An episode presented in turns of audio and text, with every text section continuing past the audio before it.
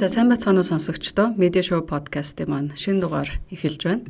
Өнөөдрийн дугаараараа дөнгөж сая би бэлгүүнийгээ юу гэж танилцуулах вэ гэдэг асууж илаа. Тэгэхээр Сэхэтэн медиа Сэхэтэн подкастын подкастын санаачлагч, хөтлөгч цогт бэлгүүн дарыг энэ дугаартаа урьсан байна. Ирсэнд баярлалаа. За урьсанд баярлалаа.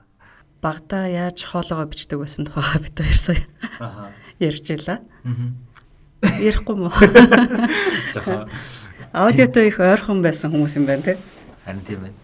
Тий. Би өөр нь тэгэл янз бүрийн бичээлээд гэсэн. Би яг нэг удаа яг нэг подкастн дээр ингээд яг тэр клипээ олоод тэгээ яг тэр клипээр эхлүүлчихсэн дугаараас байдаг. А бүр дуулснаа юу гэсэн? Яг дуулаагүй. Нөгөө сайн байцгаана сонсогчдоо гэх нэг амар нарийнхан шингэн оолоогоор би яг эхлүүлээд тэгээ артаас нь засаа ингээ миний багын хувилбар энэ подкастыг нээлээ энэ Юунаас одоо юу гэдэг урам авч гэх юм уу сэтэл авч тэгж ер нь өөрийгөө одоо бичээд ингээд ярьдаг байсан юм бол радио сонсдог байсан гэсэн үг үү эсвэл аагүй хаа. Үгүй юу. Би бол яг радио сонсдог байсан. Гэхдээ тэр тэр үе бол радио сонсдог болохоос ч өмнөх үе. Тэгээд нөгөө манай үеэлэгч юм компьютертэй болоод лаптоптай болоод тэгэл ингээл айгу сонирхол ухаал Тэгэл дотор нь угаасаа их сонирхолтой юм байна гэж юу байна гэж ухаж ухаж байгаа л яг хамгийн сонирхолтой юм нь дуу хураа горно л байсан баг. Тэгэл үтсэн чинь гой санагдал. Гэхдээ нөгөө одоо юу гэдэг нь сайн байцгаана үтсэгчтэй гэд ярьж гин гэдэг чинь ерөнхийдөө хүмүүстэй харилцахтай ямар нэг одоо хоос төтлөгч хийх гэдэг ч юм уу тийм сэтэл ямар ч гэсэн одоо байсан байна гэсэн үг. Байна. Төсөөлөгдөд байна л та. Ялтчгүй манай эгчнэр эсвэл айгүй радио энэ төр сонсдог байсан баха. Үеэлэгчнэр манай эгчин төр. Тэгэл би өөр нь амар сонсдгоо ч гэсэндээ тэг ер нь тийм шиг байна шүү тий. За тэгэхээр бэлгүүнэтэй ярилцахын тулд би Скетэн медиагийн подкастуудыг нэлээд дахиж сонсч үзлээ. Тэгээд тэр дундаас тэгтээ бэлгүүнээ өөрийн гэсэн YouTube хуудастай болоод видео хийгээд тэндээ ялангуяа подкаст яагаад эхлэхэд хамгийн хялбар төрлийн одоо медиа байхаа тий. Нэг тийм бичлэг оруулсан байсан. Тэгээд тэндээс хамгийн төгсгөлд хэлсэн үг нь болохоор эхлэх гэдэг нөгөө хамгийн чухал нь гэдгийг ялангуяа онцолж дурдсан байсан. Тийм учраас заавал одоо юу гэдэг төгс байлгах гэж хичээлгүйгээр шууд эхлээрээ гэд. Тэгээд яг одоо энэ хийж байгаа подкастыг чсэн би өөрөө жишээ нь эхлэхийн тулд маш олон жил бодож явсан. Тэгээд зочдын жагсаалт гаргаж нэг үзээл, сэдвийн жагсаалтныг гаргаж үзээл. Тэгж тэгж байгаа за за ер нь боли шууд эхлэе гэд ингээд эхэлж ирсэн л да. Тэгэхээр надад тэр их үнэн зөв үг юм шиг санагддаг. Аа тэгэхээр ер нь чи яг яаж хий одоо подкаст хийж эхэлж исэн бэ? Чиний хувьд тэр эхлэх цаг хаанаас одоо гараагаа эхэлж исэн бэ? Тийм би яг ингээд подкаст гэд бодонгууд надад яг нэг тийм миний оюутан багтаа Америкт амьдарч исэн нэг нэг юм байр айгуу саанд ордыг. Бүр яг ингээд оюутны хотхон за оюутны хотхон бол биш. Арай нэг оюутнууд нь амьдардаг төлбөр мөнгө багтаа яг нэг юм дүрхт. Гэтэ ингээд сургуультайгаа айгуу ойрхон. Тэгээд яг л коллеж оюутнууд л амьдардаг. Тэгээд тэнд ингээд манай гэр одоо яг оюутны одоо энэ хороолол гэх юм уу те энэ хороолол тэгээ сургууль хоёрын хооронд би яг дандаа дугуугаар юм уу лонгбордоор юм уу ингэж дандаа наашаа цаашаа явдаг. Тэгээ манай кампус өөрөө ингээд оюутны хот сургуулийн хотхом өөрөө айгу том. Ер нь баг Америкт эхний 4 5 даа ордог тийм айгу том байхгүй юу. Тэгээ бүр ингээд хоёр хот дамж оршдог. Тэнгүүт ингээд айгу их хугацааг ингээд ер нь л юм сонсож л өнгөрүүлэхгүй бол ингээд нэг байрнаас нөгөө байр руу явхад ч юм уу тэгээ гэрлэгөө явхад ч юм уу айгу их цагийг ямар нэг юм сонсож өнгөрүүлдэг. Тэгээд яг энэ хугацаанд подкастыг сонсч эхэлсэн. Тэгэл яг тэр нөгөө подкастыг одоо би ингээ эргээд бодоход тэр үед сонсч исэн подкастуудаа ингээд яг ингээд дараа нь ингээд нөгөө амьдарч исэн газруудаар ингээ явна штэ тий. Тэнгүүд энэ байшинг би энэ подкастаа олбож боддог ч гэдэг юм уу. Яг нэг нэг юм үзэгдэл нэг юм подкастын дурсамжтай айгуу ингэж холбогддог болчдөг юм байна лээ. Тэгээд ингээд ягаад ч юм ингээд айгуу тийм дотн болцсон подкаст сонсох өөрөө тийм айгуу гоё дотн мэдрэмжтэй. Тэгээд ингээд энэ тэнд явж хахад өө би яг энд явж байхдаа энэ подкастыг сонсч ирсэн штэ гэдэг бодлууд айгуу төрдөг. Тэгээ ер нь подкаст гэдэг бол айгуу гоё тийм дотн мэдрэмж өгдөг гэх юм уу те тийм өөр юмсагч гэдэг юм уу найзтайгаа хамт байгаа ч юм уу мэдрэмж өгдөг гэсэн болохоор айгуу гой санагдчихсэн аа бол санаж байна. Тэг мэдрэмж нь А тэгээд Нями 8 гээд би нэг юм блог тэлдэг байсан. Билгүүн.com гээд нэг блогтай. Тэгээд тэрэн дээрээ ингээд нэг зуны үйлрэл дандаа л тухайн 7 хоногоос онцлог 8 зүйлийг ингээ бичдэг. Тэг ингээ бичих айгүй хүнд даалгавар юм байна гэдгийг яг тэр зуны хугацаанд айгүй ойлгосон байхгүй. Яг уул нь бол ингээ дандаа юм бичдэг л байсан. Гэхдээ яг ингээ 8 зүйлийг заавал бичээд тэрийг ингээд хүнд хүрэж гин гэхээр айгүй дарамттай. Тэгээд ингээд зааж тэрийг яаж хөнгөвчлөх үү гэж бодож байгаа. Би яг тухайн намар нь 2017 оны намар нь бол юу ч хийгээгүй байхгүй. Нямын 8 100 биччихэл орхицсан. Тэгээд намар мамар болж хахад ингээл подкастны ганц хоёр бас туршиж үзчихсэн. Тэгээд ингээ явж исэн аа яг өвлөн за за энийга яг нямын аймаал биччихий. Гэхдээ бүр ингээд зур уншичий гэж бодоод тэгээд ингээд уншиж эхэлсэн. Тэгсэн чинь стил ингээд биччихээд дахиад уншаад байгаа болохоор айгүй төвхтэй санагдаад тэгээд арайг нэг хүмүүжлэж үзгээ зүгээр ингээ нэг 8 ширхэг одоо поинтуудаа гол хөх поинтуудаа зүгээр ингээд хідэн төрхүүрүүгээр биччихээ дараа нь ярьдаг ч юм уу. Ингэсэн чинь бас арай таалагдсан ч гэдэг юм те. Тэгээ за за гэхдээ л надад ингээд 7 хоног болгон би л өөрийгөө яриад ахаар уйтгартай юм байна. Тэ ингээд ер нь тэгээ миний юм чих дуустдаг юм байна. Тэг бүр ингээ өөрийгөө бүр шахаад байгаа байхгүй заавал 8 юм 8 юм хүрэх гээд. Тэгэл хүмүүстэй ярилцж эхэлсэн. Подкастнда зочдыг оруулж эхлээд. Тэгсэн чинь ажил айгүй хөнгөвчлөөл. Тэгээ бас яг тэр нөгөө миний төрүүлдэг тэр нөгөө эргээд нөгөө подкастыг гоё надад мэдрэмж өгдөг байсан юм зочдод яг байдаг байсан юм байл л дээ. Би яг энд явж байхдаа энэ зочны энэ подкастыг сонсоход айгүй гоё исэн юм байна гэж одоо бодогддог. Тийм болохоор яг тэр зочин өөр айгүйх мэдрэмж өгдөг болохоор тэр нь айгүй таалагдаад тэгэл тэрнээс хойш нэлээд удаан подкаст хийсэн дээ. Одоо Сэхэт медиа гэдэг чинь дотроо хэд хэдэн төрлийн подкасттай бас олон хөтлөгчтэй, олон контенттэй болчлоо л та. Тэгэхээр энэ тухайга бас сонсогчдод танилцуулбал. Тийм тэгээ яг энэ зарчмаараа ингээл явж байгаа. Ингээд би одоо өөрөө юм хийгээд үзье гэл. Тэгээд мэдээч хэрэг ингээд манай тухайн үед намайг яг ингээд подкаст хийж эхэлсэн байх үед а нөгөө Facebook live гэж бас тийм нэлээ ингээд хүмүүс үргэн эргэлдэг болцсон байсан үе. 16 оноос хойш яг Facebook Live гэдэг яг тийм функц гэх юм уу те функц ингээ гарч ирээд тэгээ манай 50наа гээд найз бас юм Facebook Live-ыг ашиглаад book review гэж идэг үсэ. Тэгээ уншсан номоо ингээд Facebook-ээр ярьж өгдөг. Тэгээд ер нь бол ингээд нөгөө яг ингээд подкаст ингээд тесэрж гарч эхэлж байгаа байхгүй 17 онд Монголд ч гэсэн ер нь ингээд дэлхийд даяар тэнгууд ингээд тэр контентийг илүү ингээд подкаст болгох амар их потенциалтай байсан болохоор би найзтайгаа яриад хоёлаа ингээд нийлээд ингээ подкаст хийчихъя гэд. Тэгээ Ямин 8 гэдгийнхаа нэрийг солиод ингээ хоёр хүн нийлж байгаа болохоор а одоо зөвхөн нөө миний контентоор нэрлэгдээд байхаар болохгүй болохоор ер нь нэг өргөн том нэр өгчигээд тэгээ би нэг 16 онд Дэнүр хотод очиж Скетэн гэдэг юм төсөл танилцуулж ирсэн медиа төсөл. 16 онд тий Тэгээ тэр медиа төслөө ингээд шагнал магнал аваад уул нэг хөрхөн мөнгө төгрөг өгсөн 500 доллар ч лөө хэрэгжүүлээрэ гэд. Тэгээ ингээд тэр чинь байрны мөнгөнд л явчихж байгаа шүү дээ. Гэхдээ ингээд нэг юу л байгаад байгаа юм л та. Шагналын мөнгө өөр юмд зарцуулсан байна шүү дээ. Тийм болохоор нэг тийм үүрэг хариуцлага мэдрэгдээд болтгоо. Тэгэхээр н за медиа төслөө ингээд анх ярьж ирснараа шал өөрөөр Гэтэ нэг гол утга авчрыг нь хадгалаад ингээд скетэн ингээд нэрлчээ гэд ингээд найзтайгаа яриад тэгээ бит хоёр тэндээ санал нийлээд Тэгээд 58 дугаар Скетэн подкастын хамтран хөтлөгч нар гэж яг Скетэн подкастыг бол эхлүүлсэн. Тэгээд Скетэн подкаст маань Нямин 8 гэдэг булантай илүү зочдтой ярилцдаг. Тэгээд 55 номын хилцүүлэг гэдэг ийм ном ярьдаг ийм булантай. Тийм хоёр булантай болж а 18 онд тийм болоод тэгээд 2021 он хүртэл юм уу да. Тий, ер нь ингээд яг энэ хэлбрээрээ удаан явсан. А энэ хугацаанд бол бит хоёр янз бүрийн л өөр өөр подкастууд, форматуудыг бол ер нь скетэн дээр туршиж үзээлсэн. Тэгээд 2021 оны ихээр ер нь хэдүүлээ ингээд олуулаа баг болж бүрдээд арай одоо бас өөр юмнаа туршиж үзье те. Ер нь ингээд шинчлэгдэх цаг бас болж гин гэж бодоод тэгээд бас өөр найзуудаа санал тавиад ингээд бид нэг ингээд 3 жил баг подкаст хийчлээ. Одоо бас илүү гоё өөр юм хийгээд тэгээд ер нь найзуудыгаа авчираад бид нэр өөр өөр одоо санаанууд хөгжүүлээд тэгээд хамгийн эхлээд болохоор Улаанбаатарын гэдэг юм Улаанбаатарт иргэн зориулсан гэдэг утгаараа одоо Нью-Йоркийн иргэнийг Нью-Йоркер гэдэг шиг те яг Улаанбаатарын иргэнийг тэгвэл Улаанбаатарын гэж нэрлэе гэд тэгээд тийм подкастыг Unread Media-тай хамтарч хийж ирсэн нэг үлрэл. Тэгээд энэ дуусныхаа дараа Нягтлав гэдэг подкастыг хийж үзсэн одоо ч гэсэн хийсээр байгаа. Тэгээд Нягтлав подкаст бол илүү бас одоо New York Times-ийн Daily гэдэг подкастаас санаа авсан, Voxing Explained буюу одоо нөө тайлбарлах төрлийн контентуудаас санаа авсан. Ер нь тийм тайлбарлах төрлийн контентуудыг илүү аудио формат руу шилжүүлээд монголчуудад бас сонирхуулъя гэсэн тийм айгүй өсөл зориг би болон манай найз Батөргөл бит хоёрт хэлсэн болохоор бит хоёр яг тэрийг бол хийжсэн. А Улаанбаатарын нэг болохоор ингчин дараа гэд хоёр эмэгтэй гişүүд маань хийжсэн.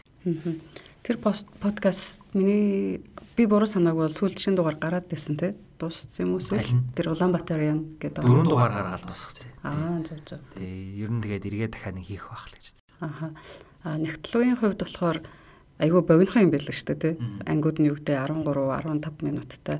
А гэхдээ анзаараад харах юм бол цаад хөдөлмөр нь бол хамаагүй илүү байгаа юм шиг санагдсан. Аа тэгээд ялангуяа сүүлийн үед бол сүүлийн 2 дугаар руу график одоо дүрслэл хийгээд видеото болоод хөгжөөд явж байгаа тий. Тий. Одоо нөгөө яг ингээд л яг ингээ подкастыг Монголд жишээ нь дараагийн төвшөнд гаргыг гэвэл юу байж болох уу гэж бодонгууд яг л тийм амар high produced буюу маш их продакшны ажил орсон подкаст хийвэл гоё юм байна гэж бас бодсон гэх юм уу. Гэтэ тэр нөх Монголд даам гарыг гэдэг утгаараа биш. Ер нь ингээд хэдүүлээ өөртөө чадварыг ч гэсэн хөгжүүлэх гэх юм бол ер нь нэг арай өөр юм хийх хэрэгтэй нэгэд. Тийм. Тэгээд яг хуу хамгийн том ялгаа нь бол юун дээр гарч байгаа ах. А ярилцлагын одоо подкастууд ч гэдэг юм уу те. Илүү нөгөө скрипт байхгүй, ямар нэгэн бичсэн текст байхгүй, асуултууд бол бэлэн зочноо судалсан ийм байдаг. Тийм болохоор нөгөө яриа хөөрөө айгу тийм тэг ингээл юу ч яригдчих магадгүй те ер нь ингээд контролдох айгу хэцүү. Тийм болохоор ер нь гой гой чим гарна заримдаа сэтгэл төрөхгүй чим болно. Ер нь эцсийн үр дүн ямар байхыг нэг таамагшгүй гэх юм уу. А нягтлан болохоор яг нэг скриптийг ингээд судлаад бичээд яг скрипт бичээд тэрийг эргүүлээд уншиж уншихтаа болохоор бас энэ үед нь одоо ийм шуум те дуу аудио эффект, саунд эффект оруулж гоё юм байна гэдэг юм уу. Иймэрхүү юмнууд оруулаад өгөхөр арай бас амьд нөгөө immersive experience гэдэг байгаа ингээд яг сонсож байгаа үнэн өөрөө тэр түүх дотроо ингээд хамт байгаа юм шиг мэдрэмж өгөхийг ер нь уул нь олцордог. Нэгтлэг дээр ялангуяа анзаарах юм бол нөгөө сүүлийн үед Орос Украины асуудалтай холбоотой бас хоёр жанг орж ирсэн. Тэгэхээр энэ дээр бас нөгөө эрэг сөрөг янз янзын сэтгэлдлүүд байгаа бах. Тэгэхээр миний бодлоор өмнөх одоо нэмээ 8 ч юм уу тэр бусад подкастууд бол миний бодлоор дандаа ер нь юм хүмүүст урам зориг өгсөн тий ийм сайхан сэтгэл төрүүлдэг болоо гэж бодож байна. Аа тэгэнгүүт сүүлийнх дээр ялангуяа сөрөг сэтгэлдлүүд ингээд ирээд эхлэхээр ер нь ямар мэдрэмж төрж байна. Ямар санагдаж байна. Надад бол яг үүндээ айгаа гой санагдсан. Тэ ер нь мэдхгүй ингээ хоёр юм байж магадгүй. Нэгт бол угаасаа би айгаа бэлэн байсан гэх юм уу. Ер нь л ойлгомжтой хүмүүс янз бүрийн л энэ ч өөр айгаа имзэг сэдв штэ тэ. Дайны сэдв ч гэдгээр ч юм уу. Ер нь тэгээд хүмүүсийн амнаас хохирж гин Тэг ингээл айгүй олон зүйлс болж байгаа болохоор имзэг сэдв. Тийм болохоор хоёр талтай ийм одоо үзэл бодлууд гарах нь айгүй тодорхой байсан болохоор би нэгт бэлтгэлтэй байсан. Аа хоёр талаараа би нөгөө өөрөө улс төр сонирхдаг тэр чиглэлээр энэ суралцсан болохоор би яг ингээд манай нийгэмд гарч байгаа одоо энэ хоёр туйл руугаа туйлшрах ч юм уу ер нь ингээ өөр өөр олон ургалж үзэл бодлууд ямар байгааг илүү яг ингээл ажигладаг л да. Гэтэ яг нөгөө өөрийн хийсэн юм чинь ингээд өөрөмсөг хандаад яг өөрийн хэтээр юу гэж байгаа нь илүү нөгөө мэдрэмтгий байгаа болохоор тэгээ тэр нь арай нэг тийм бас одоо нийгмийн судалгаа мэттэй надад юм өөрөө бид нар ингээ өөрсдөө хийсэн нэг юм жижигхэн судалгаач юм шиг тийм мэдрэмж өгöd байгаа болохоор ер нь бол нэг тийм таагүй бол ерөөсөө л аваагүй. Арин жайгаа таатай баяртай байгаа тий. Яг хав яагаад энийг асуусан гэхээр нөгөө подкаст хийж эхлэх тухай ярьсан. Тэгээд өмнөх одоо юу гэдэг асуултууданд жиг дээрийг сонсож байгаа нэг оюутан хүүхэд байлаа гэхэд подкаст хийж эхлэх гэсэн айдас төрж магадгүй те. Би зөв яриад байгаа ч юм болов уу, буруу ярьж байгаа ч юм болов. А миний ярьсныг хүмүүс яаж хүлээж авах вэ гэдэг бол хүмүүст байдаг хамгийн одоо түгээмэл айдас шүү дээ. Тэгэхээр ер нь ийм айдсаа хүн яаж давж эхэлт юм бэ? ичээд идэх ч юм уу те. Ямар нэг юм хүнд байгаа тэр эхэлж чадахгүй байгаа сэтгэл зүг ер нь яаж давт юм бол яг тэр айдсаас л болоод ах шүү. Надаа бол нэг хоёр юм бодогдож байна. Нэгт болохоор аа нэг тийм одоо ихтгэл үнэмшилтэй байх хэрэгтэй гэж бодож байна. Тэр нь болохоор одоо ингээд за би нэг юм яривал ингээд буруу ярьчих үедээ гэж ярих айдсаа өөр ихтгэл үнэмшлэр соливол зүгээр юм шиг санагддаг. Тэгээд медиа сонирхдаг хүмүүс ялангуяа энэ хүнийг аягүй сайн мэддэг бах. Тэгээ зарим хүмүүс нь бол одоо хит солиотой хүн ч гэдэг юм ингэдэг. Нөгөө Gary Vaynerchuk гэдэг нэг хүн байдаг шүү дээ, тэ. Тэгээд яг ингээд Gary Vaynerchuk айгүй анхааралтай зүгээр ингээд үзэх юм бол зүгээр ингээд медиа л ирдэг юм баггүй ингээд орчин үед ямар медиа яаж яаж гин те тэрэн дээр ингээд айгүй анхааралтай ханддаг. Тэнгүү тэр хүний ингээд ярьж байгаа юмнууд бол ингээд ярьж байгаа одоо медиа технологи нь ингээд баг сараа сард өдрөөс өдөрт жилээс жилд өөрчлөгдөд байгаа мөртлөө а энэ медиад хандах одоо философи гэдэг юм уу энэ ихтгэл үнэмшил нь бол айгүй хിവэрэ байдаг. А тэгээ тэр ихтгэл үнэмшлүүдийн нэг нь юу вэ гэхээр бид нэр одоо орчин үед угаасаа ингээд бидний бүх зүйлс бүх технологи ингээд амьдралыг ерөөсө баримтжуулах үүрэгтэй ийм төхөөрөмжөд болцсон байна. А тэгэнгүүт одоо юу гэдгийг хэрвээ би ингээд 2 3 дахь үеийн өмнөх хүүхдээдсийнхаа тий ингээд юу хийж явж ирснийг мэдмээр байгаа боловч тухайн үед ингээд за яг бичиг цааснаас өөр ер нь ямар нэгэн тийм медиа медиум байхгүй тий Тэгэхээр тэр хүмүүсийг ямар инээдэг, яаж ашигладаг, яаж алхахдаг тэрийг ер нь мэдхэд аюу төвхтэй. Тэгвэл одоо орчин үед ингээ байгаа төхөөрөмжүүдийг ашиглаад та нар өөрсдийгаа ингээ баримтжуулаа. Чиний үр хөвгөдөд наад чи аюу сонирхолтой. Чиний нэг ёсны ингээ түүх үлдээж чинь гэдгээ ингэж ухамсарл гэд тэгдэг. Тэгээ тэр надад амар таалагддаг байхгүй. А яагаад айгуух таалагдаж чинь гэхээр баримтжуулна гэдэг нь ерөөсөө ингээд за нэг нэгт бол ингээд зөвхөн өөртөө хувьдаа зориулж баримтжуулж болно шүү дээ тийм медиум хэрэглээд төхөөрөмжөд хэрэглээд а эсвэл тэрүүгээрээ дамжуулаад хүмүүст хүрэх зорилгоор бас баримтжуулж болно. А тэр тэгж баримтжуулж явахдаа одоо жишээ нь миний хувьд бол за намайг тэр гэдгээ би ингээд ийм түүхийг ингээд туулж өнгөрүүлсэн. Одоо би ийм түүхийг ингээд туулж өнгөрүүлж чинь би бол одоо юу гэдгийг за одоо би сэтгэл судлаа сонирхдаг байлаа гэж бодоход би бол мэрэгжлийн сэтгэл зүйч бол биш Гэхдээ би ингээд өөрийгөө таньж мэдмээр байна. Найзуудаа зөвлөгөө өгмөр нь юу гэдгийг те. Ягаад энэ сэтгэл судлалыг сонирхоод байгаагаа тайлбарлаад тийм болохоор би юм ингээд аялалд ингээд явж байна. Өөрийгөө таньж мэдэх. Тийм болохоор энэ аялалдаа ингээд та бүхнийг дагуулад явахыг хүсэж байна гэд ингэнгүүт орчин үеийн хүүхдүүд ч гэсэн тийм хүмүүстэйгээ илүү холбогддог болцсон те. Ингээд мэрэгжил сонгоё гэхээр ингээд мэрэгчлэрээ ингээд ажиллаад улаан 10 жил ажилласан хүнээс нэг туршлага сонсохоос илүүтэйгээр яг өөртөө нас чацуу залуу тэр шийдвэрийг яаж гаргаж ийн гэдэг тэр аялал нь тэр хүүхдүүдэд одоо яг мэрэгчлээ сонгох сонирхож ажиллаж байгаа хүүхдүүд арайс илүү сонирхолтой ч гэдэг юм уу те. Өөрөө бас орчин үеийн чиг хандлагаар тийшээгээ яваад байгаа мó гэж ингээ харагдмаар. Тийм болохоор ингээд би ийм газарт ингээ байсан А зэгт байсан одоо би Б зэгтэр байна. Одоо би ингээд С зэг рүү хүрэхээр ингээ явж байна энэ аялалтаа хэдүүл ингээ хамтдаа байя гэд ингэнгүүт тэр сонсож байгаа хүлээж авч байгаа хүмүүс нь ингээд өршөөх юм шиг санагддаг. За энэ хүн чинь ингээл надтай л адилхан хүн хүнийхээ туршлагыг хөрөмтлүүлж явж гин гэд ингээд өршөөх юм болов гэж бол бодож гин. Тийм болохоор тийм ихтгэл үнэмшилтэй байхад бол ер нь тэр айдас байхгүй болчих юм шиг санагдчих. А хоёр талаараа ингээд нөгөө хоёр дахь санаа нь юу байсан бэ гэхээр хүн ингээ аяг сандардаг. Одоо жишээ нь би амар их сандар сандардаг л да одоо хүн болгон сандардаг те ингээл яриа мараа өхөөс ч юм юм уу ялангуяа хүмүүс ингээд олны өмнө гарч ярихдаа аяг сандардаг штэ. Энэ мэдрэмжийг би бас өөртөө тэгдэг байхгүй. Би яагаад амар сандраад байгаа юм бол гэд. Тэнгүүд а би зүгээр энэ надад хамаатай болохоор сандраад байгаа юм байна гэж өөртөө одоо хилдэг ч юм уу итгүүлэх гэж үздэг. Тэг яагаад тэгэхээр би үнэхээр ингээд нэг юм ярих гад олны өмнө гарах гад байгаа бол надад би тэр хүмүүст яаж харагдах миний хэлэх гэж байгаа мессеж юусаа хамаагүйсэн бол би гараал шал тэнийг юм хэлчихэл өстө ямар хамаатай ингээл ингээл сандрахгүй яваад байгаа шүү дээ те эсэргээрээ би харин тэнд гараад биний хэлэх гээд байгаа мессеж ямар чухал үг юм юм хэлэх гээд байгаа юм байна те. Одоо эсвэл би тэр хүмүүст яаж харагдах те. Энэ надад тодорхой хэмжээнд хамаатай юм байна. Тийм болохоор би гард сандарч байгаа юм байна. Энэ бол нэг тийм сандрал хэрсээ илүү магадгүй догтлол ч юм уу гэж. Тэгэхээр нөгөө урт хугацаанд бол яг ийм ихтгэл өмчлөлтэй байх те. Хийж явахд үедээ ингээд эргээ сандаг би ямаа баримтжуулж байгаа. А яг нөгөө тухайн цаг үед ингээд видео бичлэг хийхдээ ч юм уу подкаст хийхдээ сандарч байгаа бол би зүгээр амар догтлоод л сандраад ин шүү гэж өөрийгөө хуурдаг ч юм уу эсвэл магадгүй үнэхээр л үнэн байх л. Тэгээ нэг ингээ бодсоор байгаа тэгээ үнэн байх гэд бодчихдаг юм уу. Тий. Би дараа нь бас асууя гэж бодсон. Саяны хариулт гэхдээ тийшээ хөтөлчлөө. Нөгөө өмнөх бас дугааруудыг сонсч ирсэн чинь сэхэтэн бол нөгөө хүрх цэг биш явах зам юм аа гэд. Тэгээ ингээ бүгдээрээ хамт аялья гэсэн байсан. Надад тэр их сонирхолтой санагдсан л да. Яг үнэндээ би ч гэсэн ярих юмтай хүн бусдад одоо ярих хэрэгтэй гэдэг ч юм уу ийм бодолтой байгаад байдаг байсан бол тэрийг сонсоод ингээ надад айгүй юм соргоог санагдсан. Тэгээ би яг тэр утгаараа бас яг сэхэтэн гэж юу юм бэ те.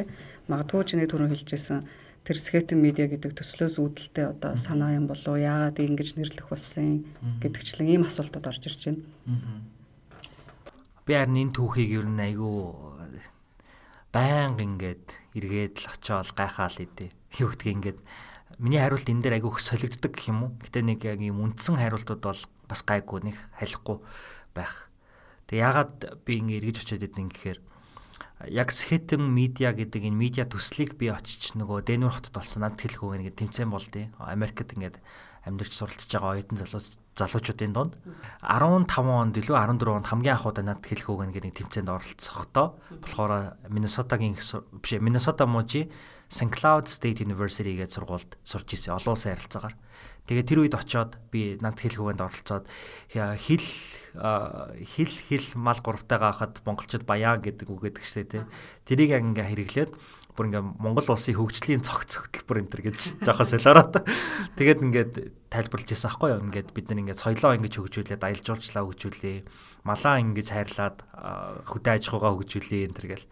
Тэгээ ингээд надаас надад ирж исэн шөөмжлөл нь юу вэ гэхээр а бид тэр тэмцээнд ерөөс нэг амжилт гаргаагүй. Гэтээ намайг ингээд шүүгчнэр бол айгүй сайн ярдсан байна. Ер нь ингээд чи айгуу сайн яриадах юм бол айгуу ирээдүйтэй байна энэ төргээд а гэтээ чиний ярьж байгаа юм чинь болохоор ингээд хаашаасаа ингээд явах гад байна. Энийг айгуу сайн фокуслаа гэдгсэн баггүй тэгээ тэр нь надад тухайн үед чинь тэгээ залуу байж айгуу шар төрүүлээд тэгээ би дараа жил нэ 2016 онд Миннесотагийн их сургуульд шилжээд оролцсон байсан. Тухайн үед олон улсын харилцаагаа болоо зөвөр улс төр судлаар сурч эхлээд нэг удаагүй байсан.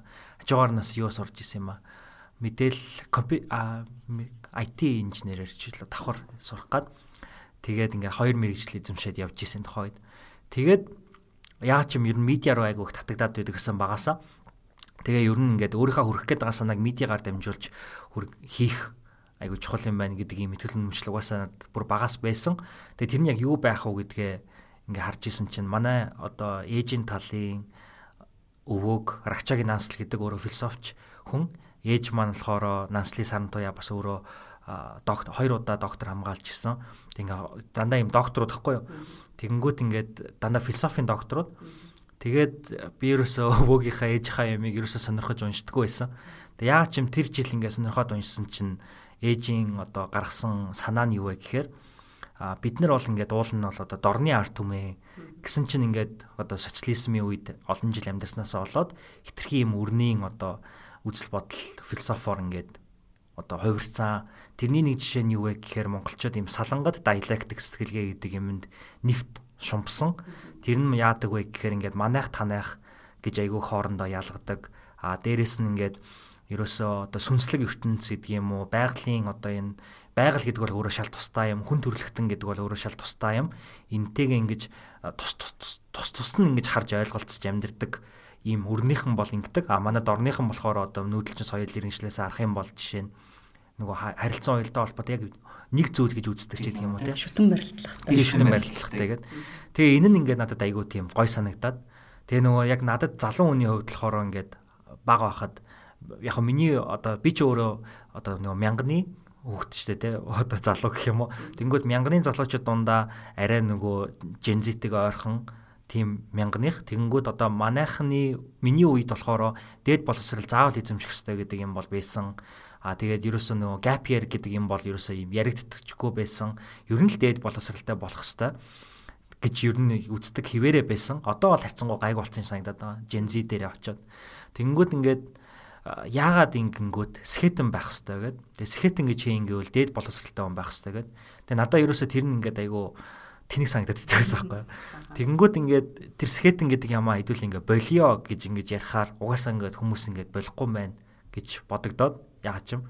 Тэгэнгүүт ингээд за энэ үгийг ингээд ребранд хийх хэрэгтэй байна. Дахиж redefine хийх энэ үгийг ингээд бүр шал өөр юм илэрхийлдэг болгочвол хэдүүлээ ингээд аа дээд боловсралтай бол скетэн болыг гэх биш. Одоо насан туршдаа суралцагч хүнийг магадгүй скетэн гэдэг ч юм уу те.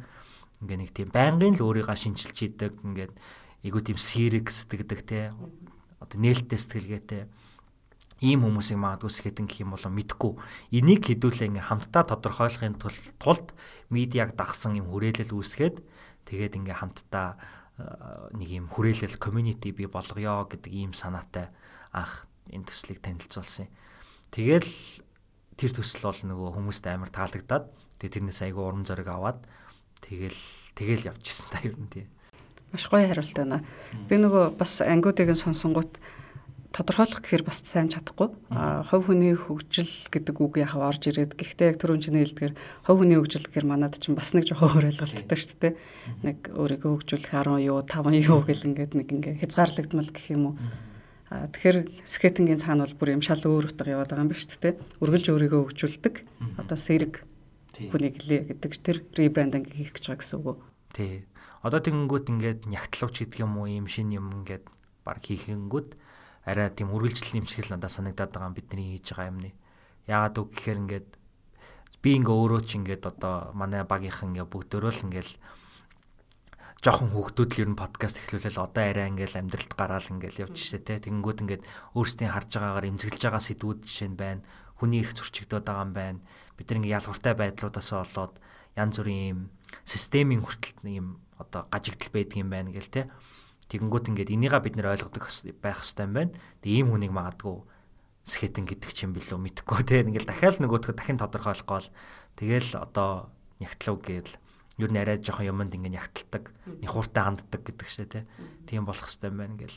Тэгээд ер нь бол одоо зөвхөн хувийн хөгжил гэхгүй зөвхөн л ингээл өөрийгөө байнга шинжилдэг. Ер нь нэг тийм дэлхийн ухамсар, хүн төрөлхтний ухамсар ер нь хаашаа явж гин гэдэгтээ жоохон анхаарал хандуулдаг мэдрэмжтэй байх нь л ёстой болов уу гэж одоогийн байдлаар бол тодорхойлж байна тий. Тий. Энэ хариултан дээр зүгээр би өөрөө сонсоод надад хамгийн гой санагдсан ингээ сонсогчдодоо бас санд болгомоор санагдчихлаа нөгөө хэрхэн эргэн тойрондоо үн цэн бүтээдэг хүн байх вэ гэд.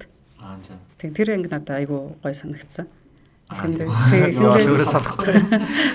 Нөгөө бусдад одоо юу гэдэг юм заахтаа нөгөө нэг хэлж болохгүй 25 үг энэ төр гэд. Тэр хэдэн оны анги байсан юм болоо?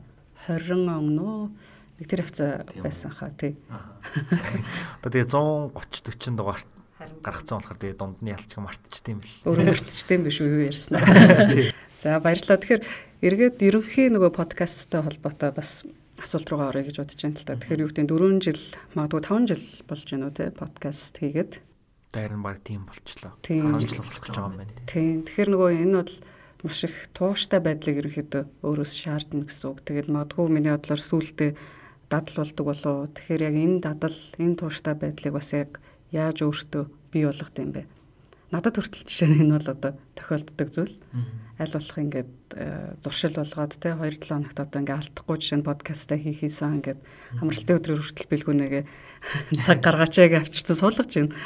Тийм. Аа яг одоо ингээд ингээ 18 онд ч юм уу 19 онд подкаст эхлээд нэг удаагүй байхад энэ асуултыг надад асуусан бол би ер нь consistency буюу давтамжтай байдал те тууштай байдал гэдэг бол угаасаа хамгийн түлхүүр юм байна гэж би тухайн үед бол хэлэх байсан баг. Аа ер нь тэгээ тэр хариулт маань нэх өөрчлөгдөөгүй. Аа гэхдээ одоо болохоор яг энэ асуултанд хариулвал хамгийн чухал юм нь хүрээлэл баха. Одоо ингээ өөрийг чинь ингээд хүлээдэг, тэгээ өөрт чинь итгэдэг энэ хүрээлэл айгу түлхэж өгдөг бах. Тэнгүүд ингээд эхний 1 2 жил ингээд брэндээ бүтээхин тулд ч гэдэг юм уу те. Яг нөгөө скетинг сонсдог, подкаст сонсдог энэ хүмүүсийг ингээд нэгтгэхийн тулд яалтчгүй нөгөө тууштай байнга тэр хүмүүсийн чихэн дээр нь одоо ингээд подкаст гингүүд ингээд бид нар чи ерөөсөө видео контенттэй, бичмэл контенттэй, YouTube бүх юмтай бүх медиумнуудтай л хоорондоо өрсөлдөж байгаа гэж бодох хэрэгтэй байх. Ягаад тэгэхээр эцсийн эцэст нөгөө хүний цагийн төлөө л өрсөлдөж байгаа шүү дээ, тийм. А тэгэнгүүт яг подкаст айгуу том давуу талыг бий болгодог. Өөрийн медиумын хав те. Ингээд хүн ингээд амьдрч явахдаа сонсч болдог контент юм шиг та санагдаад байхгүй. Ингээд хүн ингээд гадуур алхаж явахдаа те фитнесээр хичээлж явахдаа ч гэдэг юм мэдгүй ямар нэг юм хийж явахдаа л ингээд давхар амьдрч явахдаа ингээд хийж болж идэг контент. А видео тоглоом ч юм уу, кино ч юм уу те видео бичлэгийг бол ингээд заавал яг сууж агаад хоол идэж явахдаа л байж болох юм өөр юм хийж байгаа гэх юм бол арай их ингээ анхаарал шаарддаг шүү дээ. Тэнгүүд ингээ амьдарч байхдаа яадаг болохоор подкаст ийм өөрөө медиа платформ болохоор тийм хүрээлэл үүсгэх айгүй их өндөр потенциалтай юм шиг надад санагдсан. Тэгээ одоо ингээд одоо ингээд нэгэнт хүрээлэлтэй болчонгууд яг уу тэр нөгөө тууштай байдал алдагдсан ч гэсэн тийм айгу ойлгодог. Тэгээ энэ хүн чинь ингээд бид нарт угаасаа айл хэдийн 2 3 жилээ зарцуулцаа. Тэгээд энэ хүн ч одоо ингээд ганцаараа ч яхаа болсон байна. Олон хүмүүс хамтраад хийж гин тэгэнгүүт ингээд манай найзууд өөр хоорондоо өөр өөрсдийнхээ нурууныхаа ачааг авч өгч нэг нь юм хийхгүй байх нөгөөх нь хийдэг ч юм уу те. ингээд нөгөө хүрээл нь ингээд бидний найзуудын хүрээлч гэсэн өөрөөсөндөө ингээд би бидээ найдаж болдог болсон. Манай сонсдог сонсогч маань ч гэсэн би бидээ найдаж болдог болцсон болохоор юм болов гэж л бодож чинь. Тэгээ нөгөө бас эргээгээ тэр хүмүүс навдаас юм хүлээж байгаатай адилхан би юм хийхгүй байсан ч гэсэн энэ хүмүүстэй би итгэж болдог болсон гэх юм уу. Тийм болохоор ингээд тууштай явсаар идэг гэж л бодож чинь та. Тэгэхээр илүү хүртээмжтэй ерөнхийдөө одоо хэлбэр юм байна л гэж дүгнж болох нь шүү дээ бас. Тий. Ер нь хүртээмж гэдэг бол ер нь хамгийн чухал юм байна гэдгийг бас яг подкаст хийж байхдаа ер нь баг мэдсэн. Тэр нь юу яасан бэ гэхээр ингээд хөдөө орон нутагт байгаа сонсогч нар айгүйх ингээд мессеж илгээдэг. Тэгээд мессеж нь дундаа болохоор ингээд интернеттэй болсон үедээ ингээд подкастаа татаж аваад интернетгүй үедээ ч гэсэн сонсдог оо гэд. Тэнгүүд энийг ингээд зүгээр ингээд хэдүүл энгийнээр ингээд бодоод үзэх юм бол одоо YouTube дээр бичлэгийг нэг цагийн бичлэг бол өөрөө мэдгүй хэдэн гигач юм те 1.4 ч юм уу мэдгүй 2 гигагийн юм байлаа гэж бодоход нэг цагийн подкаст бол өөрөө нэг 40 мегабайт ч юм уу ингээд баг хэд дахин жижигхэн ч юм дээ 10 юм уу 100 юм уу мэдгүй. Ингээ айгүй жижигхэн байна. Тэгэнгүүт ингээд тэрээс 100 мегабайт хэрэглээл хөдөө орнот байгаа хүн бол ингээд 3 4 цагийн контент татаж аваад тэгээ ингээд сонсож байгаа байхгүй тэгэнгүүт тэр хүүхдүүд хөдөө орнот сонсож байгаа сонсогч нар маань одоо ингээд сонсч чадчихна гэдэг бол бас л дахиад юм хүртээмжийн асуудал байгаа. Тэнгүүт ингээд айгаа гой санагдсан. Тийм болохоор ер нь бол подкаст гэдэг бол ер нь бас тий одоо ингээд сонсож байгаа хүн нь амьдралд амьдарч явах хугацаанд хүртээмжтэй контент авахаас гадна одоо орон зайн хувьд ч гэсэндээ айгүй хүртээмжтэй байна гэж бас бодчих олж авсан. Дараагийн нэг асуух зүйл маань контент бүтээхэд хамтрагчтай байна гэдэг бол мэдээж зөөрлөшгүй давуу тал бах тий. Тэгэхээр яг одоо хамтрагч хин нэгэнтэй хамтрна гэдэг өөрөө их тус болно гэсэн. Тэгэхээр үүний давуу талыг бас юу гэж хэлэх вэ? Хүмүүс бас нөгөө ганцхан өөрөө подкаст тэгээд яг түрүүний хэлдгээр өөрийнх нь уран дээр маш их ачаа аваад байдаг гэж магадгүй. А гэхдээ яг хамтрыг гэхээр нөгөө хоёр хүн тэг ер нь хамтын ажиллагаагаа подкаст дээр яаж төлөвлөж яаж бас эхлүүлэх вэ гэдэг сонирхолтой. А ялангуяа гэтэл та хэдийн хувьд бол юу гэдэг өөрөөр улсад байхдаа хүртэл хамтраад подкастаа хийгээд явуулж исэн туршлагатай. Тэгэхээр ер нь энэ хамтрах боломжийн талаар бас юу гэж хардаг вэ? Ер нь хамтрах айгүй чухал юм шиг байна. Ер нь зүгээр контента хийх дээр ч гэлтггүй гаргаж байгаа санаа тий агуулга энэ бүхэн дээр олон хүний нэг олуулаа хилцүүл буруугүй гэдэг шиг юм олон хүний үзэл бодол нийлж иж арай чанартай юм гардаг болохоор зөвхөн ингээ өөртөө найдаад ах юм бол хизээ нэг өдөр бас магадгүй очиод хан мөргөх эрсдэлтэй байх. Тэгэхээр зөв тэрийг ач гэсэн харахад ер нь анханасаа Зур ингээ юмаа эхлүүлж болно. Тэгээ эхлүүлээ явж хахад айгүйх юм үжил санаа нийлдэг хүмүүс а чиний хийж байгаа юм чи надтай ингээд миний бодоод байгаа юмтай тохирох юм байна ч гэдэг юм уу те. Иймэрхүү байдлаар ингээ нэг тийм зөв хүмүүстэйгээ таардаг байх гэж би боддог. Тэнгүүд ингээ таарсан тохиолдолд тэрийг аюур нь яаралтай арга хэмжээ аваад хэдүүлээ ингээд оролдоод үзье гэдэг ингээд хийж үзээд тэгээд ингэнгүүт нэгт нөгөө accountability гэж яддаг шүү дээ. Ингээ нэг нэгэндээ найдах ч гэдэг юм уу, нэг нэгэндээ шаардлага тавих ч гэдэг юм уу те одоо ингээд за би энэ 7 хоног үнэхээр юу чийгээгүй байхад нөгөө хүн чинь ингээд юм хийгээл яадаг. Дахиад 7 хоног нь чи юу чийгээгүй байх. Дахиад нөгөө юм чийгээд онгод нэг хүн өөрөө жоохон фил байд болоод нэг өөртөө жоохон сэтгэл готарч эхлэн штэ тэ. Тэр үедээ өөрөө юм хийдэг ч юм уу. Тэгэхээр иймэрхүү байдлуудаар ер нь янз бүрийн айгу олон том даваа талууд байгаах.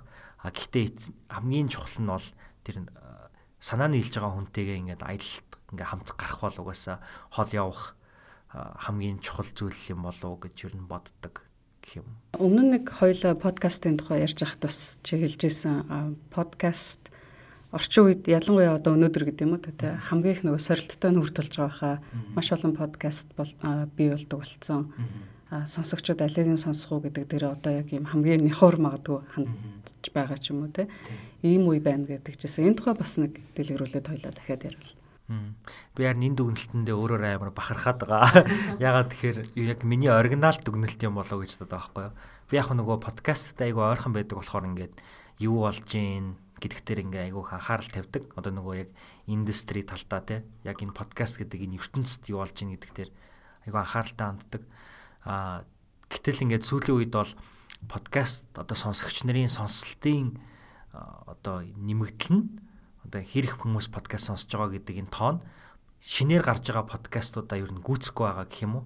Тэгвэл ингээл айгүй их ингээд борооны дараах мөг гэдэг шиг ингээ айгүй их подкастууд гарч эхэлсэн үе маань одоо хүртэл ингээл үргэлжлээл ингээл гараал байгаа байхгүй юу. Тэгээд энэ бол аягүй том даваа тал л да. Гэхдээ нөгөө тэрнтэйгээ зэрэгцэж ингээд яг төдий хэмжээний нөгөө хүмүүс ингээд подкаст сонсож гинөө гэхээр бас үгүй. А тэгээд энэ дээр яг нэг анхаарах хэрэгтэй юм нь түрүүний нөгөө хэлсэн подкаст өөрөө айгүй ихтгэл үнэмшил төрүүлдэг болохоор хүн нөх ингээл YouTube дээр бичлэг үзэж байгаа юм шиг, дуу сонсож байгаа юм шиг, Facebook-оор юм ухаж байгаа юм шиг ингээл олдсон юм болгоныг ингээл үзэл сонсоод байдаггүй подкастын үед. Яг ингээд подкаст сонсдог хүн бол та ч гэсэн өөрийгөө анзарж байгаах би ч гэсэн яг тийм ингээд нэг 4 5 л яг подкастыг л ингээл хооронд нь ингээл солиол сонсоод идэг. Тэгэл нөгөө 4 5 подкастн дээр нь шин юм олигтой юм ороогүй байх юм бол ер нь баг өөр юм сонсохгүй тэгэл шал өөр медиа руугаа ороод YouTube бичлэг үздэг ч юм уу дуугаа сонсдог ч юм уу арай нэг өөр юм хийдэг яг ингээд өө миний сонсдог подкаст дээр шинэ юм байхгүй байна. Өөр подкаст сонсъё гэдэг ингээд нэг хайдаггүй гэх юм уу хүмүүстэй. Тэгэхээр нөгөө угаасаа хүмүүсийн сонсдог подкаст итгэдэг подкастууд руу н орох энэ өөр айгүй том давуу одоо даваа а орчих юм бол тэр хүмүүст нь бол таны подкастыг үргэлжлүүлж сонсоол байх магадлал нь айгүй өндөр. Тийм болохоор энэ их подкастууд гарч ирээд байдаг.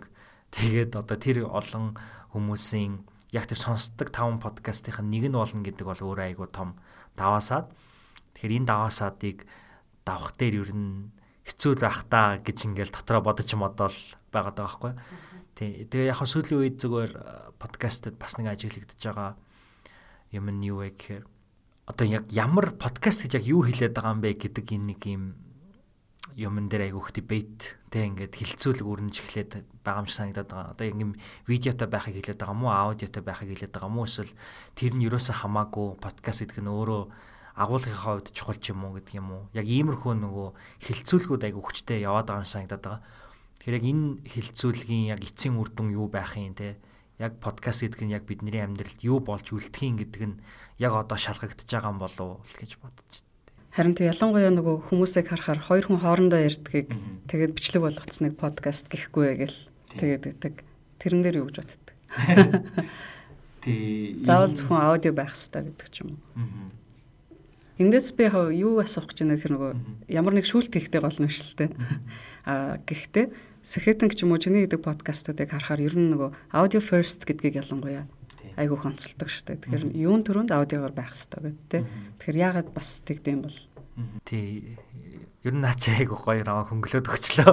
Яг одоо миний боддог юм юу гэхээр ямар ч аудиогоо чухалчилчий. А видео юм уу текстэн байдал бол байж болно. Ер нь байх ёстой. Хүртээмж дээр ярих юм бол тий. Тийм болохоор 2 3 дахь асуудал нь тэр нь байх хэрэгтэй болов гэж боддог. Тэгээд а гэхдээ подкаст гэж хэлчихэд аудиогоо чухалчлахгүйгээр а яваад хахаар надад жоох утгагүй санагддаг. Өөрөө нөгөө платформо жоохон хүндлэгч гэдэг юм уу, медиама хүндлэх бас тийм шаардлагатай юм санагддаг байхгүй. Одоо подкаст гэдэг чинь өөрөө яг л аудио дээр толгуурсан аудио тоглуулагч нөгөө iPod гэдэг зүйл дээр ингээ үндэслээд под гэдэг энэ үгийг аваад Apple брэнд Apple компани ингээд подкаст гэдэг юм ингээд үүсгэсэн байгаа шүү дээ. Тэнгүүд ингээ анханасаа яг л аудио төвтэй ийм зүйлийг өнөөдөр бид нэр жоох утгыг алдуулаад зөвхөн ингээд видео хийгээд ах юм бол нөгөө буцаал нөгөө хүртээмжийн асуудал яригадаад байгаа юм л да. Подкаст гэж хэлчихэд подкаст тоглуулагчдад дээр байхгүй байгаа дахаар айгу сонир санагддаг. Тэгээ тийм болохоор тэр бол арай өөр контент юм шиг те. Одоо ингээ айгу олон хүмүүс подкаст хийж ийн тэгээд ингээд зөвлөгөө авдаг. Тэгээд подкаст чи хаанагаа яаж сонсох гингүүт ингээд YouTube дээр тавьсан. Өөр газар юусаа байхгүй. Apple Podcast, Castbox юу гэдэг ингээд подкаст тоглуулагч гэдэг чинь өөрөө айгу тусдаа хөгжсөн платформ байгаад байгаа. Тэгээ энэ чинь өөрөө айгүй олон асуудалтай юунууд багхгүй ингээ аппликейшнууд. Одоо жишээ нь дараа сошиал медиа руу хөрвөхөд айгүй хэцүү. Одоо хоёлоо подкаст хийчихэд яаж хүмүүст ингээ сошиал медиагаар таниулах уу гэхээр айгүй ядаргаатай байдаг штэ дан аудиог бол. Тэнгүүд ингээд би бас тэр хүмүүсийг ингээд энэ зовлонгийг мэдрээсэй гэж боддог байхгүй юу. Тэгээ ингээд энэ зовлонгийг мэдрахгүйгээр ингээд дан видео яваад тахаар утгагүй юм шиг зүгээр санагдаад идэв. Тийм болохоор аудио контент бол өөрөө айгүй тийм ихтгэлтэй мэдрэмж төрүүлдэг те дотн мэдрэмж төрүүлдэг гэд ихэнд хэлжсэнчлэн тэгэхээр энэ нөгөө мэдрэмжүүдийг нь чухалчлаад хүртээмжийг нь чухалчлаад ингээд аудио төвтэй байх нь зүгээр аудио ихэнд байх нь зөв юм болов гэж бодож байна. Мэдрэмж гэдгээс гадна нөгөө бүр судалгааны дүгнэлт бас нэг чинь хэлжсэн шүү дээ. Подкаст одоо хүнд илүү ихтгэл өнөмшил төрүүлдэг гэдэг. Тэгээ ер нь подкастыг бол сүүлийн а одоо би нэм арчлаа PewD гэдэг лөө Pew Research Center гэдэг лөө тэднийх бол ингээд одоо яг Америк төвтэй хамгийн сайн судалгаануудыг ингээд хийж байгаа. Тэгэхээр энэ жишээ бол ер нь бол илүү Америкт ингээд төвтэй л байгаа л да. А гэхдээ ингээд олон улсынх нь ингээд үе үе ингээд бас л жоохон арай хөгжсөн орнуудаас ингээд гарч ирж байгаа. Тэгэнгүүт подкаст сонсогч нар бол одоо юу гэдгийг арай өндөр боловсралтай хөрөнгө мөнгөний хувьд яг дундаж давхаргатай илүү байдаг ч гэдэг юм уу иймэрхүү юмнууд нөгөө олон улсад ажиглагдаад байдаг. А гэхдээ энийг бол ингээд задлах боломжтой, илүү олон хүнд хүрэх боломжтой гэдэг зүйлүүд бас давхар ингээд харагдаж идэг.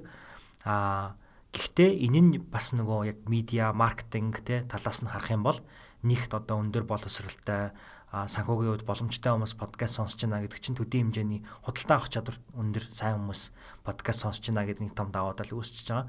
А хоёр талаараа подкаст нөгөө хост маань ингээд хүмүүст айгүй ихтгэл төрүүлдэг юм байна гэдэг ийм дүгнэлтэнд хүрээд тэгэнгүүт ингээд одоо юу гэх юм одоо миний сонсдог подкастыг одоо нэг дуртай одоо Team Ferris show гэдээ байдаг те. Тэгээ тэрний нөгөө хост ингээд Team Ferris ингээд надад өөрөө айгүй хувь хүнийхээ хувьд таалагддаг. Тэгэнгүүт ингээд тэр хувь хүн маань ингээд би яагаад тэр хүнийг хувь хүнийхээ таалдаг болчихоо гингүүд айгүй ингээ олон подкастын сонсцсон юу боддог, юу сэтгэдэг, юунд дуртай гэдгийг мэддэг болохоор надтай айгүй тийм төстэй зүйлүүд нь хит хит байгаа ч юм уу те тэгэнгүүт за би одоо яг энэ зөвлөл энэ талын зөвлөгөөн дээр би team ferris-ийг л сонсох байсан да гэд тэр үнэ баг мэддэг болчихж байгаа байхгүй а тэгэнгүүт тэр нөгөө мэддэг хүн гарч ирэнгүүтээ за одоо би өнөөдөр энэ энэ 7 хоног ийм брендийн дотор хувц өмсөж чинь гэдэг ингээ ярангуут баг тэр хүний өмсөж байгаа дотор хувц хүртэл надад таалагдах юм шиг санагдаж байгаа. А бусад ингээд платформудаар тэр хүн дотор хувцаа ярангуут нэг тэрийг худалдаж авахгүй байна гэдэг. А подкаст дээр бол тэр хүний юу өмсөж байгаа, юу эдэлж байгаа, юу эргэлж байгаа нь айгүй өндөр ихтгэл төрүүлсэн болохоор нөгөө conversion rate буюу хувиргах одоо энэ хувирах одоо хувь гэх юм уу те энэ нь бол яг медиумынхаа хувьд платформынхаа хувьд подкаст бусад медиум платформудаас арай өндөр юм байна гэдг нь бас судалгаануудаар харагдаад байгаа. А тэгээд яг энэ подкаст индастри гэдэг нь бусад одоо видео контент, видео тоглоом юу гэдгийг эднээс бол хамаагүй арай жижигхэн А гэхдээ айгүй хурдцтай бол ингээд тэлээд байгаа. Төрөний нөгөө олон подкастууд шинээр гарч байгаа гэдэг нь бол өөрөө нэг жишээ гэх юм уу те. Нөгөө заримдаа бас подкастынхаа аппликейшн руу орохоор айгүй олон подкаст байдаг. Тэгээ би хав түлхүүрүүгээр жишээ нь хайгаад одоо үгтэй сонирхсан юм олох тохиолдол байна. Гэхдээ тэндээс мэдээж үргэлж зөв сонголт гарч ирнэ гэж байдгүй. А чамтай ярилцж хахад бас маш олон төрлийн подкаст сонсдог юм шиг надад санагдсан. Тэгэхээр хүн яг нөгөө өөрт одоо тохирсон гэдэг юм өөрийн дуртай сонирхлын тэр подкастаа болохдоо ер нь бас ямар арга ашигладаг ч юм уу тийм юм байд юм болов. Эсвэл нэр хүн болгоных айгүй өөр ах л та. Тэгээ би бол ер нь илүү нөгөө ам дамжсан яриануудад л илүү итгэдэг гэх юм уу. Яг хаа заавал найзаасаа гэлтгүү ер нь ингээд өөрөө чинь сонсдог дуртай подкастын хүн ч юм уу те. Би ийм ийм ийм подкастыг сонсдог гингүүт ер нь айгуу төстэй сонирхолтой байгаа болохоор дахиад нөгөө хүндий итгэдэг болохоор сонсоол үзнэ. Тэнгүүд амар таалагдана. Аа тэгээд бас нэг юм ингээд одоо жишээ нь Vox-ийн нөгөө explained бичлэгүүдийг ингээд айгүй хүздэг би. Тэгэнгүүт ингээд За Vox өөрөө ийм гоё видео контент хийж байгаа юм чинь бас аудио контент гоё хийж байгаа болов гэж ингээ бодонгуудаа одоо чи нэг аудио платформ дээр миний бодож байгаа хүн үзэж байгаа компаниудын хэвлэлийн байгууллага юу хийж ийн гэдгийг бас сонирхож үздэг. Тэгэнгүүт бас айгуу гоё юм гараад ирдэг ч гэдэг юм уу те. Тэгэл тэрнтэй төстэй юм юу байна ч гэдэг юм уу иймэрхүү байдлаар явдаг юм уу да гэж л бодож байна. Тэ. Хизээ подкаст сонсох уу? Оо би бол ер нь дандаа л амьдарч явах та. Тэгээ ер нь ингээд алхаж явах та нэг А зэгээс Б зэг рүү хурж явах ер нь дуунаас илүү подкаст сонсох туртай. Аа тэгээд тасгал хөдөлгөөн хийж явах та бас ер нь подкаст сонсох туртай. Тэгэл нохоогоо алхуулж явах та ч юм уу. Ер нь нэг иймэрхүү ямар нэгэн өөр зүйл хийж явах та л подкаст сонсдог. Аа тэгээ яг нэг ширээний ард суудсан хойно бол ер нь ерөөсө подкаст юм уу тийм бол сонсдоггүй. Аа Skeleton Media маань одоо компани болсон байгаа юу?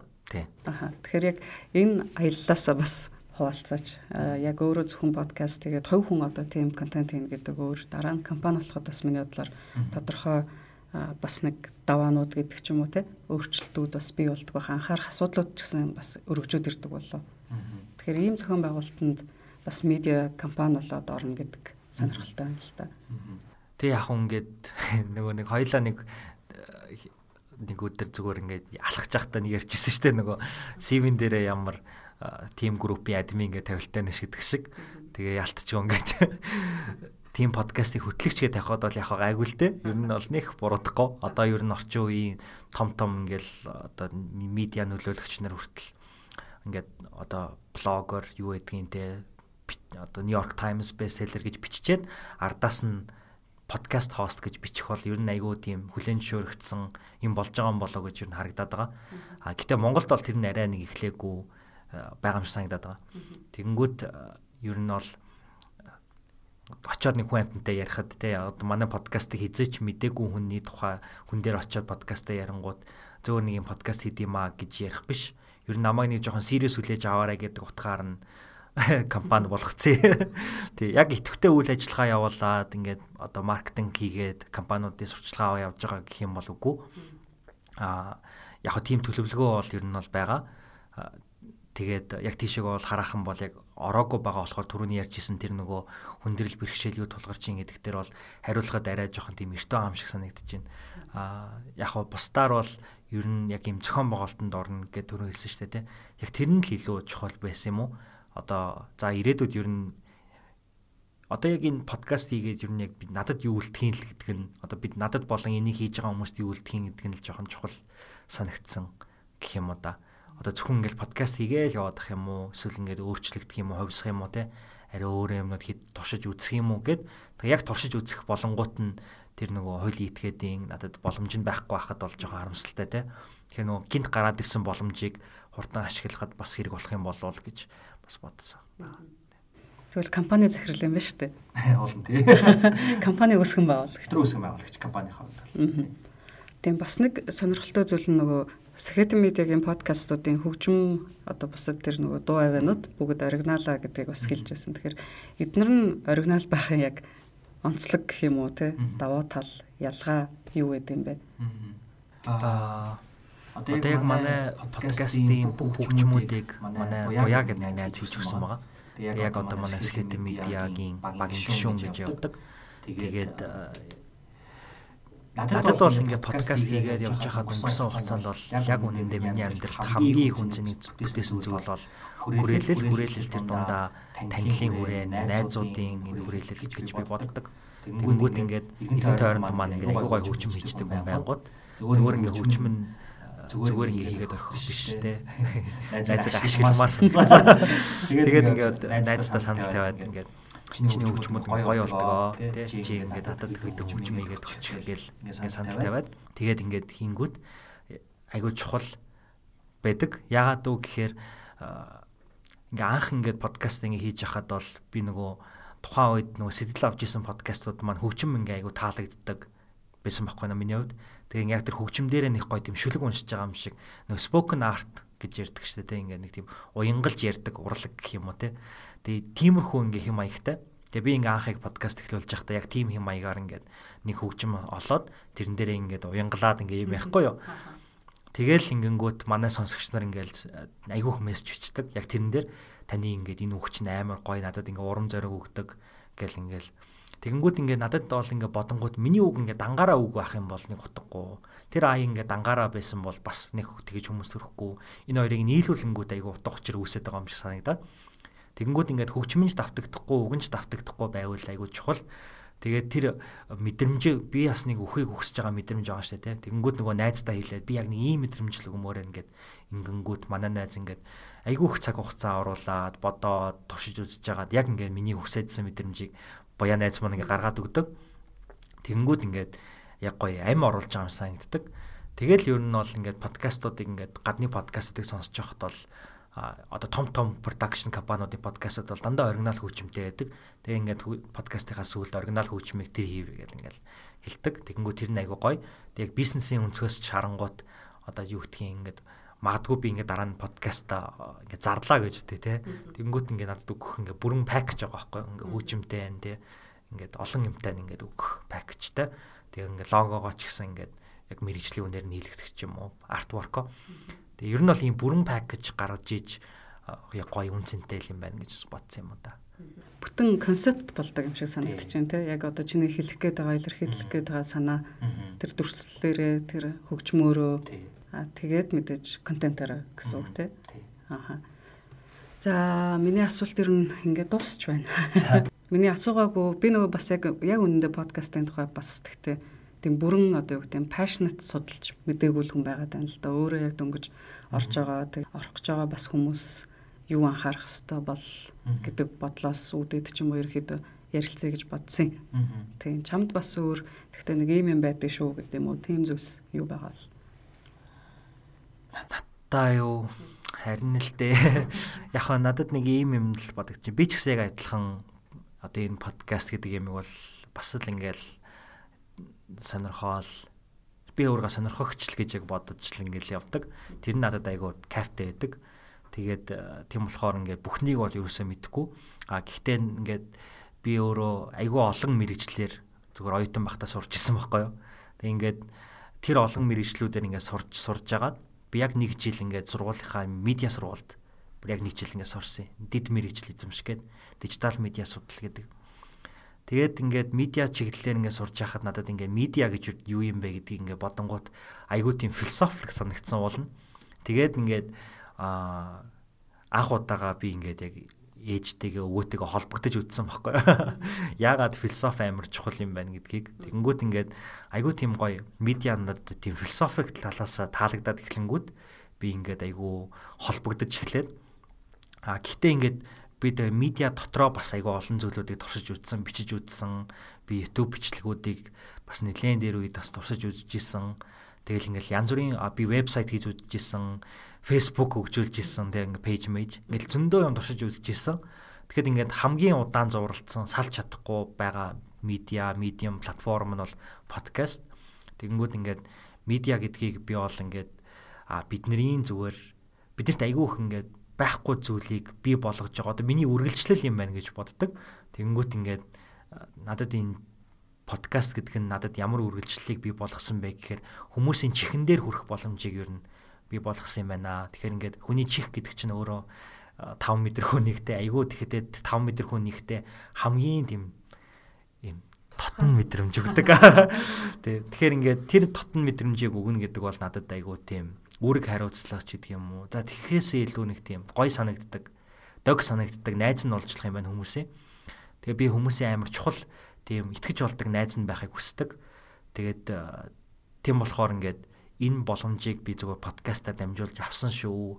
Тэгэхээр та нарт ч ихсэн сонсож байгаа хүмүүс ч ихсэн ингээд тийм одоо хүрээлэлээ бий болгох хүмүүст найз нь болох боломж бол байгаа. Тэгээд найз байна гэдэг чинь өөрөө зөв найз байхыг хүн хүсдэг те. Тэгэхээр зэрэг тэр боломжийг бас олгодог шүү л гэж би боддог юм да. Тэ.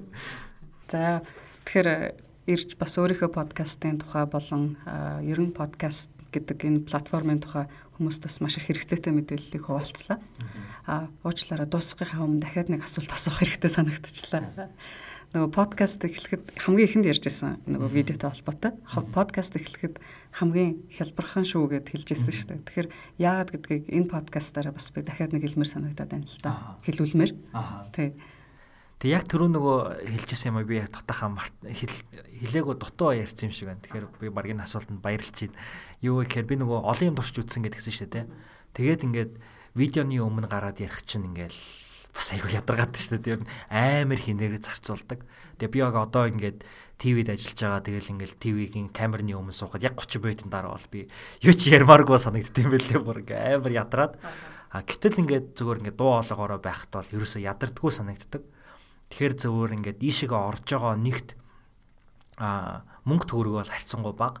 Одоо хоёлаа нэг гараал дэлгүүрөө ороод хятадаас авч ирсэн компьютер руугаа залгадаг микрофон залгаал подкаст хийхэд болж гин эсвэл зүгээр гар утасныхаа микрофон ч гэсэн сайжирсан байна. Одоо сүүлийн үеийн компьютерууд хүртэл өөрсөндөө ингээд студийн хэмжээний микрофонтой болдог болсон байна ч гэх юм уу те. Тэгэхээр энэ микрофон ер нь ингээд бидний тойрол дүүрэн байна штэ. Тэгэхээр микрофон лахт ер нь болчих гээд байгаа байхгүй. А арай нэг жоохон чанаржуулыг гэх юм бол нэг 50 мянга 100 мянган төгрөг гаргаад нэг дараагийн шат агчин те Иймэрхүү байдлуудаар ингээд шат ахихад айгүй амархан а камер бол ингээд яг гар утсаа эргэлжиж болно. Гэтэ ер нь ингээд гар утас гэдэг чинь өөр айгүй үнэтэй зүйл. Тэгээд ингээд яг мэрэгжлийн камер авангууд өөр айгүй үнэтэй ч гэдэг юм уу те. Ер нь айгүй төвхтэй штэ камер мамер гэл дараагийн төвчний өөр контентууд бол надад арай жоохон төвхтэй юмнууд нэх байх. А тэгээ дээрэс нь нөгөө програм хангамжийн хувьд ингээ видео засыг гингүүт а видео заснаа гэдэг чинь өөрөө айгүй бас төвөгтэй тий олон лейерүүд олон давхар ингээ юмнууд засдаг а контент аудиог бол ерөөсөө нэг л зам засаал баг болчихж байгаа байхгүй тий Тэнгүүт засахад ч гэсэн амархан засдаг програмууд нь ч гэсэн үнгүү ингээд айгүй хялбар. Тэгэхээр ингээ програм хангамж талаасаа, техник хангамж талаасаа айгүй эхлүүлэхэд хялбар гэж бид нар бичлэгэн дээр ярьж ирсэн.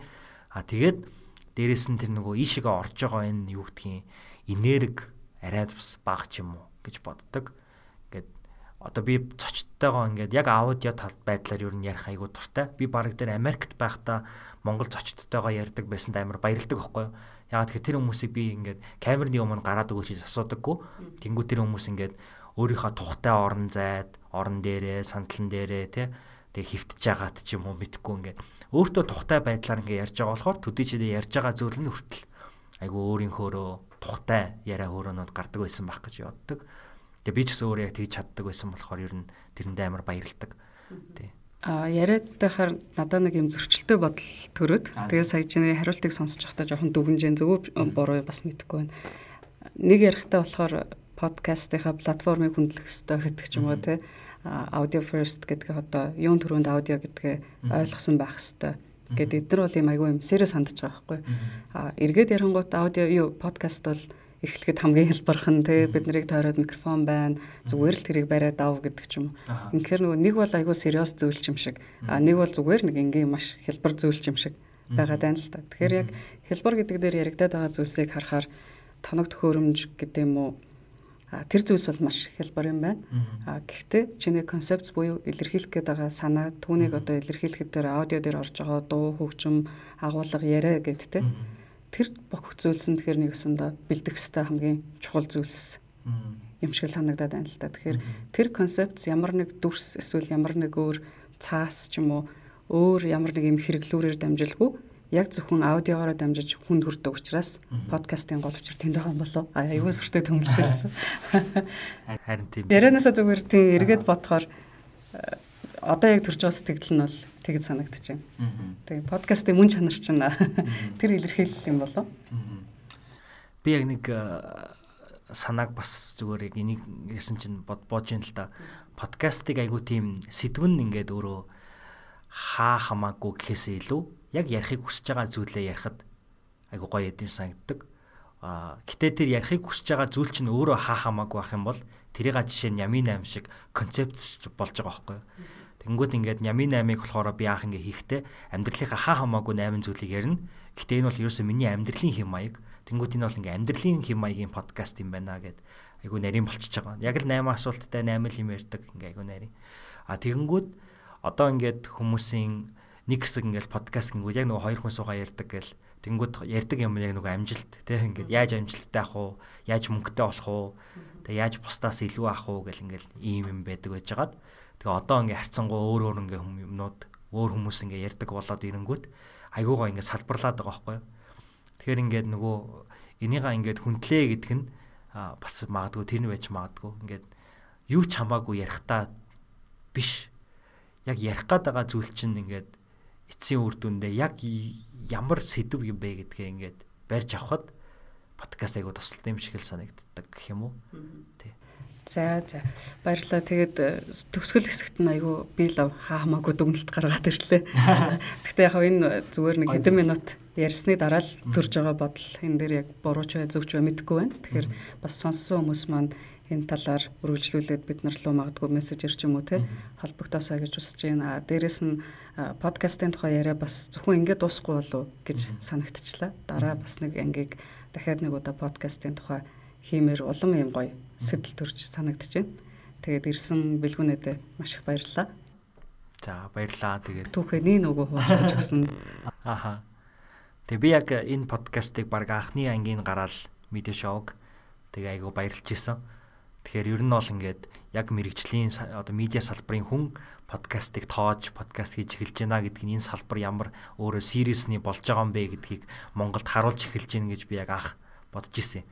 Тэгээ тийм болохоор бас энэ подкастыг хийж байгаад нь баярлаа. За баярлаа. За дараагийн дугаараар эргээд уулзъя. Баяр таа. За баяр таа.